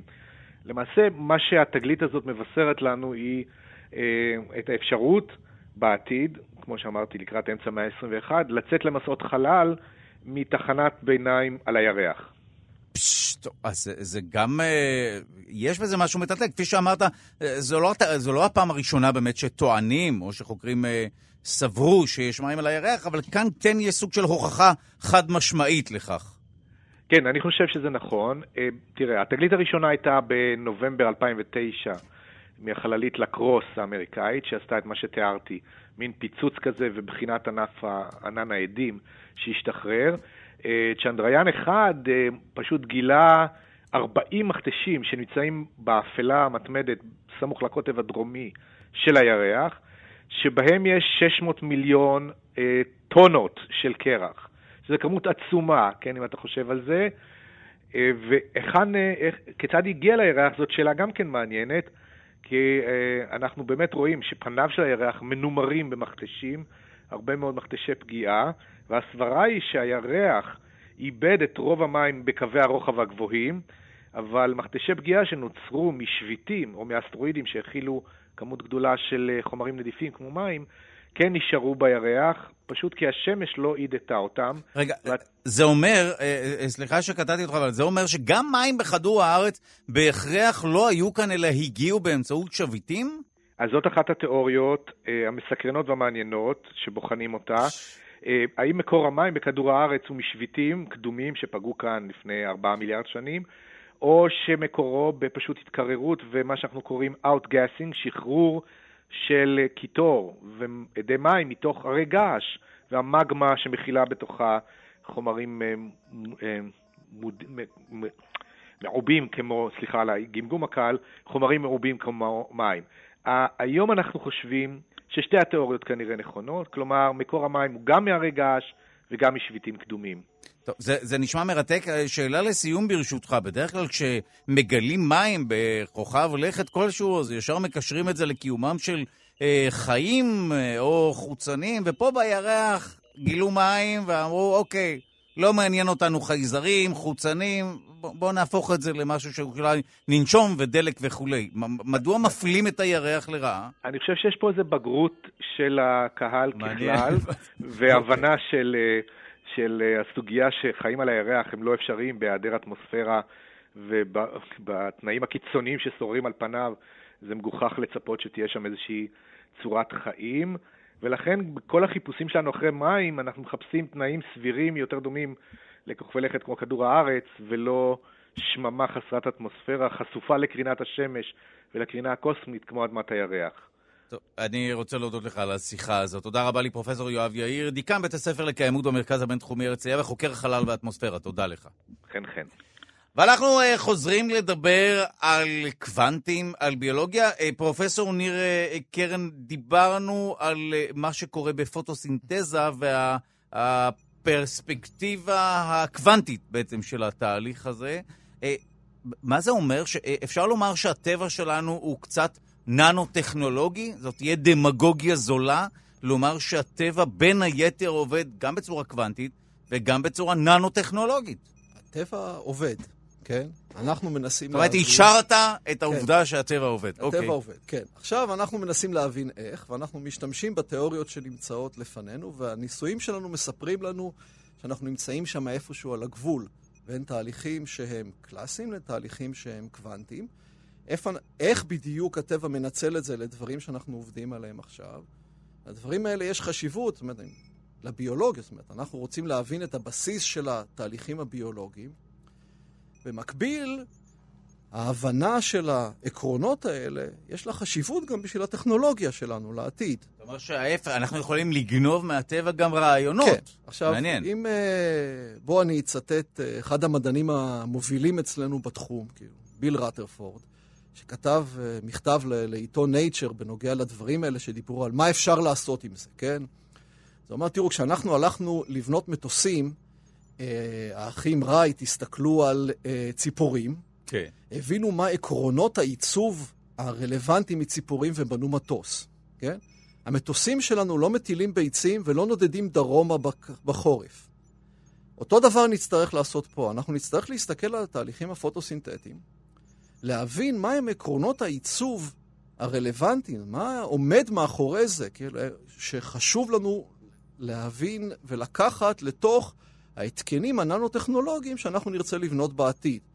כי היום אנחנו בונים צ'יפים של מחשבים, אנחנו ממזערים אותם וממזערים אותם, וההדפסות שלנו נעשות יותר ויותר עדינות, כן. ואנחנו מתחילים היום לרדת בהתקנים שלנו לאזורים ננומטריים. כן, נכון, זה, עכשיו, זה בלתי נמנע עכשיו, כבר. אנחנו הסברנו עכשיו ש... אנחנו מדברים פה על מערכת שמעבירה אנרגיה, מייצרת זרם של אלקטרונים. כאילו, מה קורה בתוך צ'יפ של מחשב? עובר זרם של אלקטרונים. אז אם זה ננומטרי וזה ננומטרי, וזה מעביר זרם, וזה מעביר זרם... בקרוב נחבר את מכניקת הקוונטים גם ל... טוב, גם החשמל, וגם מערכת פיזיקלית וגם מערכת ביולוגית. כן. זה הכל יהיה אחד. זה הכל המחשב יהיה... המחשב שלי יהיה ביולוגי? יכול להיות ש... אז, אז עכשיו יש פה שתי... Uh... שיטות מחשבה. שיטת מחשבה אחת היא אפשר לקחת את החומר הביולוגי ולחבר אותו לאיזשהו צ'יפ, כן? כמו שדיברנו קודם, על נכון. מוח על צ'יפ, יהיה אפשר כן. לעשות מין פוטוסינתזה על צ'יפ עם החומר הביולוגי. זה דרך אחת לחשוב על זה. אני יכול לצאת עם הלפטופ שלי לשמש, אפשר לקבל אנרגיה ולהאכיל כן. בסוכר, או לאכול כן. גם, לשתות מהמחשב, אה, סוכר. כן, אבל בעיקרון, אתה אומר, אתה רוצה לחבר את זרם האלקטרונים הזה לתוך המשטח זהב שיש של אה, אותו צ'יפ, ולהעביר את זה. זה דרך אחת לנסות ולרתום את הביולוגיה לתוך העולם אה, הטכנולוגי. כן. דרך שנייה היא להגיד, תראו, אנחנו נשתמש פה באותם... Uh, כלים באותו toolkit שקיים בננו-טכנולוגיה. כן? היום בננו-טכנולוגיה יודעים להשתמש בכדורים נורא נורא קטנים של מתכת, קוראים להם ננו-דוטס, שהם ננומטרים בגודלם. ולינקרים, כאילו מחברים שהם אורגניים, שאפשר לחבר עכשיו את הכדורים האלה. עכשיו, אם סיפרתי לכם שהמערכת הפוטוסינתטית, יש לנו משטח שיש בו קלורופילים, ועוברת דרכם האנרגיה באיזושהי דרך שהיא איפשהו על הגבול בין מכניקת הקוונטים לתנועה קלאסית. כן. עכשיו, אם אני לוקח עכשיו את הננודוטס האלה, כן, ומחבר אותם בלינקרים אורגניים, שזה לא אני, זה חבר שלי, יוסי פלטיאל, והמעבדה שלו עושים. זאת אומרת, זה רוב העבודה שהם עושים במעבדה שלהם. הם מקבלים עכשיו משטח שיש בו כדורים קטנים שבולים אנרגיית אור ומעבירים ביניהם אנרגיה, ומחוברים על ידי איזה שהם מחברים כאלה קטנים שיש להם ויברציה. כן. המערכת הטכנולוגית שהם בונים שם, יש לה פרמטרים מאוד דומים למערכת הביולוגית שאנחנו מכירים מפוטוסינתזה. עכשיו אנחנו יכולים להסתכל. עכשיו, פוטוסינתזה היה לה שלוש וחצי מיליארד שנים של אבולוציה כדי לקחת את התהליך הזה ולעשות אותו... כן, הכי טוב שאפשר, הכי טוב שאפשר. הכי יעיל שאפשר, ודאי. הכי, הכי יעיל, את, את השליטה הכי טובה, כי אנחנו רוצים, שוב, גם בהתקנים שלנו. אני רוצה התקן ננומטרי, שאני אוכל לשלוט, למשל, על קצב זרימת האנרגיה דרכו, קצב קליטת האור, קצב העברה. למה משמש המבנה הזה שיצרתם במעבדה? זאת אומרת, מה אפשר לעשות עם זה? אז עם המבנים האלה שיוצרים במעבדות של אה, מרכזים ננו-טכנולוגיים, אפשר להשתמש למשל בתור תאים סולאריים. לקבל תא סולארי שמייצר אנרגיה, אולי, כן, בפוטנציאל, יתחיל להתקרב יותר ליכולות של הצמחים, כן? וישבור את הרף העליון של, שבו תקועים היום התאים הסולאריים, שמבוססים על טכנולוגיות של uh, משטחי סיליקון, כן? אוקיי. אז זה הפוטנציאל של השילוב הזה בין המחקר הביולוגי לבין המחקר הננו-טכנולוגי, כן? עכשיו, כדי ללמוד על הדברים האלה עכשיו, צריך לשתף פעולה. לשתף פעולה זה אומר שאנשים שמגיעים uh, כמוני מתחום הביולוגיה, צריכים להיות מסוגלים לדבר עם אנשים שמגיעים מתחום הפיזיקה והננו-טכנולוגיה, והתהליך הזה הוא תהליך שהוא לא היה תהליך קל לא לנו הביולוגים ולא לפיזיקאים שאנחנו עובדים איתם. כי כשמדברים על מדע מולטי-דיסציפלינרי, כן, היום מאוד אוהבים למכור את זה בתור תואר ראשון, נלמד אתכם משהו מולטי-דיסציפלינרי, כן? אבל בפועל, כדי באמת להיכנס לעומקו של מדע מולטי-דיסציפלינרי, צריך אנשים מדיסציפלינות שונות, וצריך לייצר את השפה המשותפת כדי שהם יוכלו לדבר אחד עם השני. ואפשר או שלעולם זה ייפול על זה שאחד uh, שונא את האחר? לא, אחד לא שונא את האחר, לאחר, ומדענים... מתנשא על האחר. זה חלק מהמציאות היומיומית. זה חלק מהעולם האקדמי. כן, אוקיי. והעולם האקדמי, כן. אנחנו הביולוגים יודעים מה הפיזיקאים חושבים עלינו, ואנחנו מבינים את זה ואנחנו מקבלים את זה. שכל מקצוע כזה יצר לעצמו איזה ארכיטיפ או סטריאוטיפ. ארכיטיפ או סטריאוטיפ. אז צריך להתגבר על הארכיטיפ, אבל יותר מזה צריך להבין שלכל מקצוע יש שפה ותרבות משלו. כן. ואנחנו צריכים ללמד את עצמנו איך אנחנו מגשרים, כן? איך אנחנו... הדוברי ביולוגית, native ביולוגיה speakers, כן? מסוגלים לפלוש לתוך העולם של הפיזיקה ולהבין מספיק כדי שכשאני יושב עם חבריי הפיזיקאים, אנחנו נוכל להעמיד ניסויים שהם יהיו בעלי משמעות, כן? ופה היה תהליך ארוך של לימוד שלקח שנים, שבו אנחנו ניסינו להבין כל אחד מה הם ה... כש, כשאני מדבר איתו, מה בעצם הוא אומר לי, כן? כי הפיזיקאי מאוד אוהב להתעסק במשוואות ופונקציות מאוד מורכבות ומאוד מסובכות, ואתה צריך לתפוס אותו, כן, ולנער אותו, ולשים אותו על הכיסא, אומר, בוא תסביר לי עכשיו ואל תשתמש במתמטיקה. זאת אומרת, לא פעם אתה נוקט באלימות כלפי פיזיקאים כדי לחלץ מהם משהו ברור. אז זה הדרך היחידה להתעסק איתם. להשליך כיסאות כאילו היית בקלאב. סתם נזכרתי בסרטון. טוב, אנחנו נעצור כרגע כי אנחנו רוצים לדבר על uh, שני דברים שקשורים בתזונה. אחת, uh, שימו לב למחקר חדש. דיאטה דלת פחמימות uh, עלולה לקצר את החיים, כך קובע מחקר אמריקאי חדש, רחב היקף.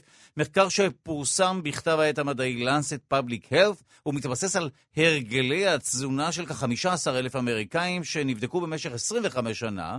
אנחנו אז מיד נדבר עם דוקטור אולגה רז, שהיא דיאטנית קלינית וראש תחום תזונה קלינית באוניברסיטת אריאל, גם על המחקר הזה.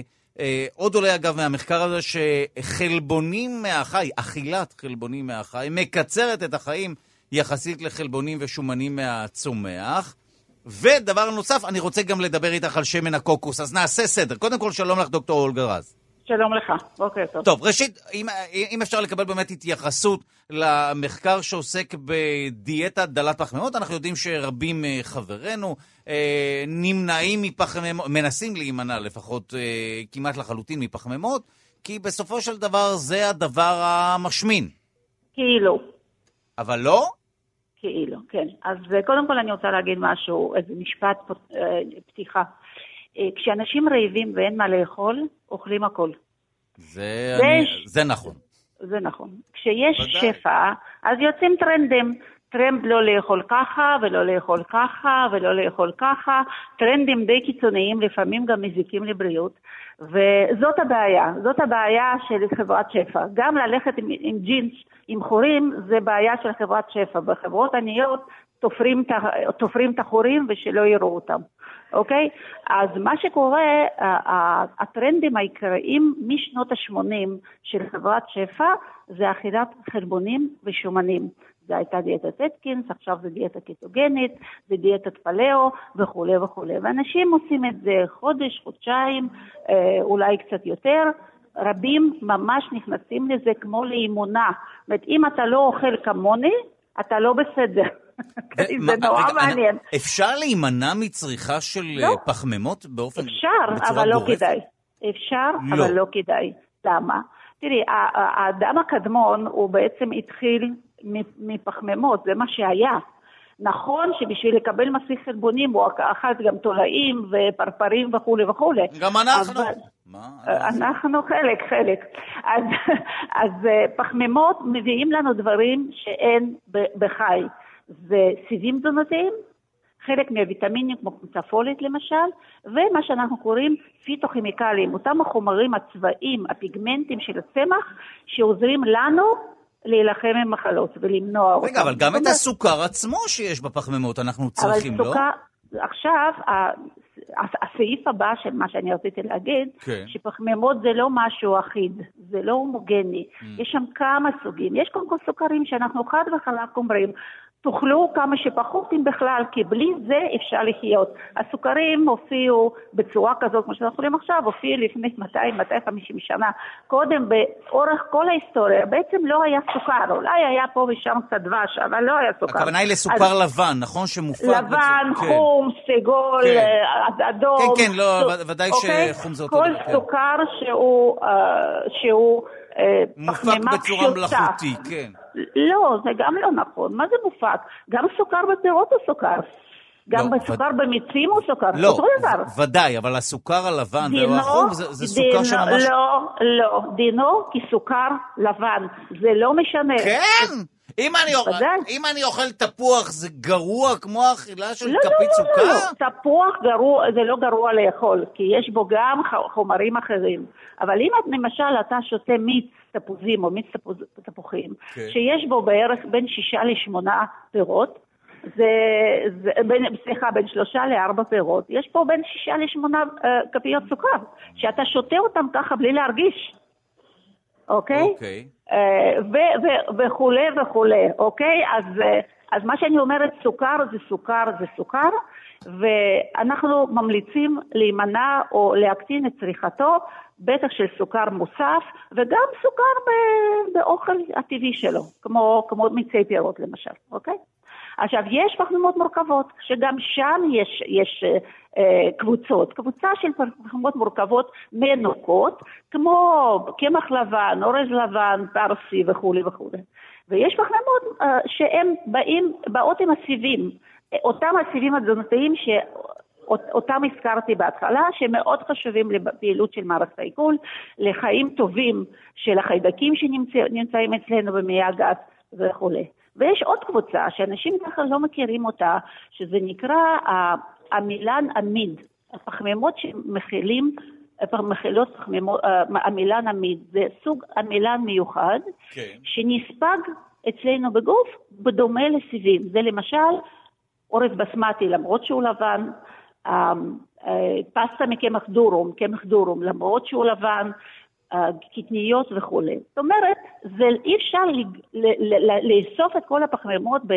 בקבוצה אחת, אוקיי? זה קודם כל. רגע, אבל אני מנסה בכוונה להתייחס למחקר. קודם כל, הבנו את ההבחנה באמת, אוקיי. שאי אפשר להתייחס לכל כמקשה אחת, נכון. אבל האם באמת הימנעות מוחלטת מפחמימות היא לא בריאה, או באמת כן. מקצרת את החיים? זה מה, ש, זה מה שהמחקר אומר, וזה לא מחקר יחידי.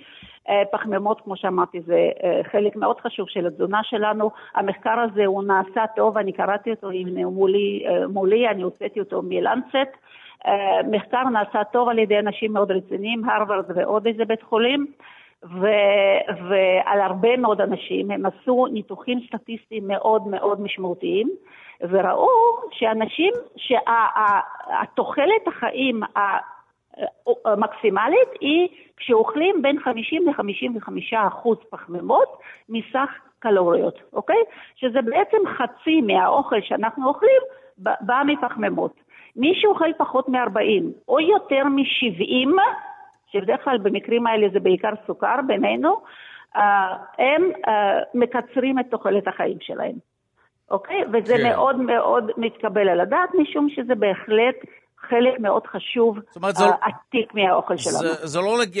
זה, זה לא מתן לגיטימציה לאכול אה, סוכר בטירוף, זה ודאי לא, לא יאריך חיים. לא. אבל אה, פשוט לא להימנע מאכילה של... לא להימנע מפחמימות. מה, מה הם כותבים שם? הם כותבים שם את זה במפורש, ש, אה, שתוצאות המחקר מחזקות את האי-המלצה לאכול אה, אה, דיאטות שהן עשירות רק בחלבונים ושומנים ללא פחמימות. דרך אגב, כמו שאתה אמרת בפתיחה, הם גם מדברים על כך שאם מחליפים את הפחמימות לחלבונים מן הצומח, כן. שזה בדרך כלל בא ביחד עם פחמימות, אז זה פחות מזיק. אבל אם זה מן החי, כולו מן החי, גם שומן וגם חלבון, אז זה גורם לירידה בתוחלת החיים. טוב, אז שכנעת אותנו לא להימנע מהאכילה של פחמימות אופן. באופן כללי, ולהעדיף כמובן חלבונים, במקרה של חלבונים, מהצומח. זה לא אמרתי. אמרתי שאם מחליפים פחמימות בחלבונים, אז לפחות להחליף 아, אה, אותם בחלבונים מן, אוקיי, מן, אז, מן הצומח. אז ברשותך, אה, דוקטור אולגה רז, אני רוצה התייחסות למה שפרופסור מייקלס מאוניברסיטת הרווארד כן. אה, אמרה בשבוע שעבר. אה, היא הכריזה בכנס רפואי ששמן קוקוס, שנחשב עד היום לבריא, הוא לא פחות מרעל טהור לגוף. Okay. אוקיי. מה את אומרת על הדברים אני, הבוטים אני, האלה? אוקיי, okay, זה דבר בוטה, וטוב שמישהו אה, לא מפחד לפעמים לדבר בוטה, כי כולם פוחדים מכל מי שהולך עם הטרנדים, כי הם נהיים מאוד מאוד אה, מאוד מאוד לוחמניים. עכשיו, מה שקורה, שמן קוקוס אה, אני לא יודעת האם יש לזה רקע כלכלי שמישהו רוצה למכור יותר שמן קוקוס, לא ברור לי למה, הפך להיות לתרופה להכל, לסרטן ולמחלות לב וכל מה שיש לך, אלצהיימר, קח את השמן קוקוס, תהיה בריא עד 130, אוקיי? אז זה למשל טרנד, טרנד שהוא אה, אה, מזיק, משום שאנשים במקום לטפל במחלות, יתחילו לקחת שמן קוקוס. זה, ש... זה, זה הדבר הכי מפחיד בכל הסיפורים האלה. Mm. עכשיו, שמן קוקוס הוא שומן רווי. הוא כמו שומן מן החי, אבל הוא מהצומח. שומן רווי כידוע מעלה את רמת ה-LDL, LDL, ויכול להיות גורם סיכון למחלת לב. עברתי על uh, מחקרים אחרונים על שמן קוקוס, לראות האם שמן קוקוס באמת כל כך, עושה משהו מיוחד שמדברים עליו ברשתות. Uh, התשובה היא די, די אפורה. אולי יש פה קצת שינוי, שם קצת שינוי, אבל אין משהו גורף שאומר, וואו, שמן קוקוס עושה פלאים. מה שהיא דיברה בעיקר, וגם מה שאמריקן הארט אסוסיישן אומרים, שזה שומן uh, רווי, uh, הכי רווי שיש, כן. וזה בעצם הבעיה שלו, שזה שומן רווי. נכון שזה, ש, שהרכב של החומצות שומן שלו שונה למשל מהחומצ... מהשומן של, של בשר אה, או של עוף, אבל זה עדיין שומן רווי, ויש עוד הרבה זמן לבדוק מה השמן קוקוס יכול לעשות או לא יכול לעשות. אבל זה לא פתרון למחלות. חד משמעית. חד לא. משמעית. זאת אומרת, זה נמצ... חד משמעית. נמצאה הלא תרופה לסרטן, שמן קוקוס. בדיוק. זה אולי לא רעל, אבל זה בהחלט לא תרופה. טוב, אנחנו אה, מודים לך מעומק הלב על השיחה הזו. עשית לנו סדר בהרבה מאוד עניינים. דוקטור אולגה רז, דיאטנית קלינית, תודה רבה לך. ראש תחום אה, תזונה קלינית באוניברסיטת אריאל, אה, תודה לך על השיחה הזו. תודה, ביי ביי. ואנחנו עוברים לכלבים, יום הכלב הבינלאומי. פרופסור ניר קרן, איך אתה עם כלבים? אתה מגדל כלב? שניים בבית. שניים בבית, אז זה שניים יותר ממה שיש לי בבית, אבל מי יודע מה... מה טומן בחובו היום הזה בהמשך. אנחנו היום אה, מציינים את יום הכלב הבינלאומי, יום הכלבים אה, הבינלאומי. מדובר בבעל החיים המבוית הקדום ביותר. למעשה, מחקרים גנטיים הוכיחו שמוצא הכלבים של היום הוא בכלבים שבויתו לפני כ-33 אלף שנה. חגיגות יום הכלב ייפתחו ממש עוד מעט בשלל מוקדים ברחבי הארץ. אה, מחיפה תדווח רינת ספיבק, אה, עופר נחשון יהיה במרכז דואל בתל אביב. אנחנו רוצים לומר שלום לדוקטור זאב גנץ, שהוא מומחה לרפואת כלבים וחתולים, מנהל ובעלים של מרכז החירום הווטרינרי חוות דעת בבית ברל. שלום לך. בוקר טוב. גם כלבים וגם חתולים? אחד הוא האויב של האחר. חס וחלילה. זה נכון שבהרבה סיטואציות הכלבים והחתולים לא מסתדרים, אבל יחד עם זה אנחנו מכירים הרבה מאוד כלבים וחתולים שגרים בכפיסה אחת באותו בית בהנאה מושלמת. אז בואו בוא באמת נתמקד בכלבים שהיום הוא היום שלהם. מה אנחנו צריכים לדעת על אותו בעל חיים שבאמת הפך להיות חלק מהחיים של רובנו? אה, וואו, אה, כן, כלבים הם אה, בהחלט, כפי שהקלישה אומרת, ידידו הטוב של האדם, ואנחנו רואים את הכלבים כחלק הולך וגדל משמעותי יותר ויותר בחיי המשפחות של רבים מאוד מאיתנו. הכלב זה, זה בעל חיים נפלא, שאחד הדברים היפים שבו, שהוא אוהב אותנו בכל מצב, בכל תנאי, לא משנה מה קורה, לא משנה אם איחרנו מעבודה, לא משנה אם שכחנו לשים לו אוכל. בכל מצב הוא אוהב אותנו. אתה יודע, אני... אחת הענאות הגדולות בגידול כלב. אני מוכרח רק אה, לתת קונטרה מחוויה אישית שלי, מאחר וכמעט נטרפתי על ידי שני כלבים באזור אה, דרום תל אביב. לא תמיד הם אוהבים אותנו, לפעמים הם נובחים ונושכים אותנו. אה, כפי שציינת, הכלב הוא חיה שבויתה לפני כמה עשרות אלפי שנים, שבאופן יחסי מדובר בזמן קצר. ובמונחים אבולוציוניים, ולכן עדיין יש להם אה, לא מעט אינסטינקטים של אה, חיית אה, בר, הן חיות טריטוריאליות, אה, חיה שבויתה מהזאב, אה, וגם היום אה, רבים מהכלבים שומרים על תכונות כאלו. ובייחוד אה, הדבר תלוי במי שמגדל אותם, והרבה פעמים אה, מעצים תכונות שוב, שמי שמגדל כלב שמירה רוצה להעצים את, ה, את התכונות האלה של טריטר, טריטוריאליות ותוקפנות. מצד שני, אנשים שמגדלים אותם כחיות בית יקבלו בעל חיים אחר לחלוטין. טוב, אה, אה, זה, זה מאוד מסקרן, ובעיקר, אה, אני רוצה, ש... אם תוכל לעזור לנו, כמובן בתשובה לשאלה, האם כל הזנים של הכלבים שאנחנו מכירים היום הם סוג של הכלאות שהאדם יצר? זאת אומרת, לא היה בעל חיים כזה לפני 33 אלף שנה? אז uh, התשובה היא ש, שלא, התשובה היא שזה באמת בעל חיים שאנחנו יצרנו. Uh, מקור הכלבים הם בזאבים, והסברה הנפוצה ביותר היא שהכלבים בויתו מתוך הזאבים דווקא באזור שלנו, באזור המזרח התיכון, uh, למרות שכנראה זה קרה במקביל בעוד כמה מקומות ברחבי הגלובוס. ולאט לאט בעזרת ההכלאות שביצע האדם נוצרו הגזעים השונים. שבאמת מקורם כולם בזאב. אה, למרות שהיום אנחנו רואים כלבים שקטנטנים כמו הצ'יוואוות ששוקלים כן. שני קילו וכלבי מסטיף ששוקלים 70 קילו וזה עדיין אותו בעל חיים. איך זה ולה... הגיע מזאב באמת כל העניין הזה? זה מדהים. זה, זה באמת אחד הדברים המדהימים, שזה הכלב הוא בעל החיים בעל השונות החיצונית הכי גדולה בטבע לבעל חיים שהוא, שהוא זן אחד למעשה, מין אחד.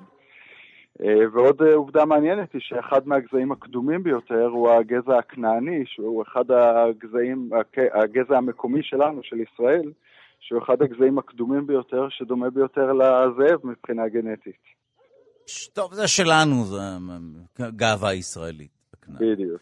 טוב, אנחנו uh, רוצים להודות לך על השיחה הזאת. תודה רבה לך, דוקטור זאב. תודה רבה, ויום כלב שמח. יום כלב שמח גם לך, תודה רבה. אנחנו, רגע לפני שנדבר עם אה, יובל מלכי, שממש אה, משדר כאן מיד אחרינו אה, את תוכניתו, הוא מגיש את תוכניתו המצליחה היסטוריה לילדים, מיד נשמע במי הוא עוסק היום. טוב, ללא ספוילרים. בואו נסכם באמת, פרופסור ניר קרן, את כל מה שלמדנו, אולי מי שהתעורר רק בשעה המאוחרת הזו, יחסית כמובן למה שנגזר עלינו להתעורר היום. אה, מה אנחנו בעצם אה, למדנו בכל אה, מה שקשור לקשר, סליחה שוב על השימוש הכפול בפועל קשר, בין פוטוסינתזה, הטמעת אור, אותו תהליך קסום שבו צמחים הופכים את אנרגיית השמש לסוכר, מפעלים לסוכר. שהוא לא בריא כאן, לא, סתם, לא, הוא כן בריא. בכמויות, נכון. בסדר, פרובוקציה. לבין באמת כל העניין הזה של מכניקת קוונטים, אותה אה, תורה פיזיקלית, שבהתחלה חשבנו שהיא מאחז עיניים, מהטלה של פיזיקאים שהתפלפו והפכו להיות קוראים בקפה, אבל לא. אנחנו למדנו ש... נעשה סיכום ביניהם, כן. שהביולוגיה, כשמסתכלים על תהליכים מאוד מהירים, בסדרי גודל ננומטרים שקורים בביולוגיה, הם מתרחשים באותם פרמטרים פיזיקליים שרלוונטיים לגדלים כאלה ומהירויות כאלה בעולם של המחקר של הפיזיקה. ואנחנו רואים שם דברים שהם על הגבול שבין התנהגות קלאסית להתנהגות קוונטית של חומר. אנחנו מוצאים את האלמנטים האלה מאוד מאוד מעניינים מהכיוון של המחקר הביולוגי, ואנחנו רואים בעתיד השלכות אפשריות. זהו, מה ההשלכות באמת? האם תרופה יכולה פתאום לפעול ב... אה, אה, אה, אפשר לפתח תרופות ברוח הדברים שהזכרנו כאן? אנחנו למשל? מתעסקים בצמחים, אנחנו לא... תרופות לא זה לך. בעיה. כן, אתה יודע, סך הכל, הביומאסה על פני כדור הארץ, 99% זה צמחים. אנחנו, אמנם מה...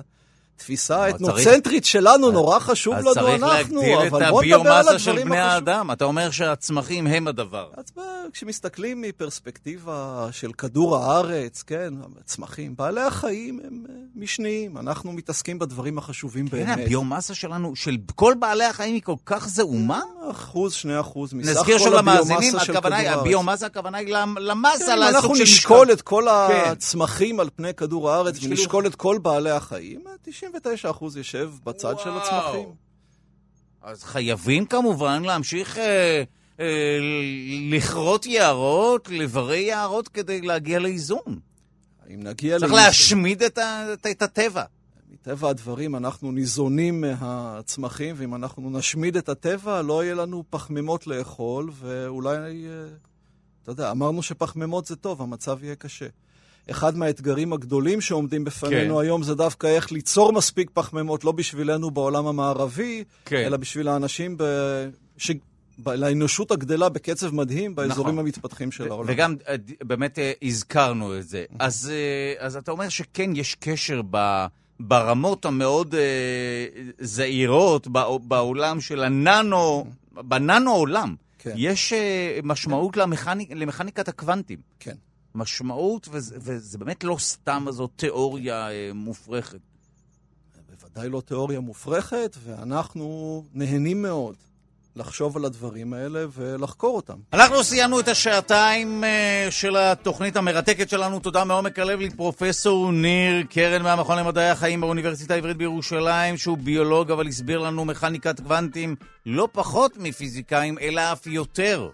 וביציאה מהאולפן ימתינו לך פיזיקאים עם קרשים ועלות. תודה לך, העורך שלנו רז חסון, המפיקה היא ליטל אמירן. על הביצוע הטכני אלון מקלר, די.ג'יי מקלר. תודה רבה ליגאל שפירא שמלווה אותנו. אתם מוזמנים להאזין לשלושה שיודעים בכל זמן ובכל מקום באמצעות היישומון החינמי כאן אודי או כאן עוד, ולא רק לשלושה שיודעים, אתם מוזמנים להוריד את היישומון, וכך תוכלו ליהנות מכל התכנים של כאן תרבות.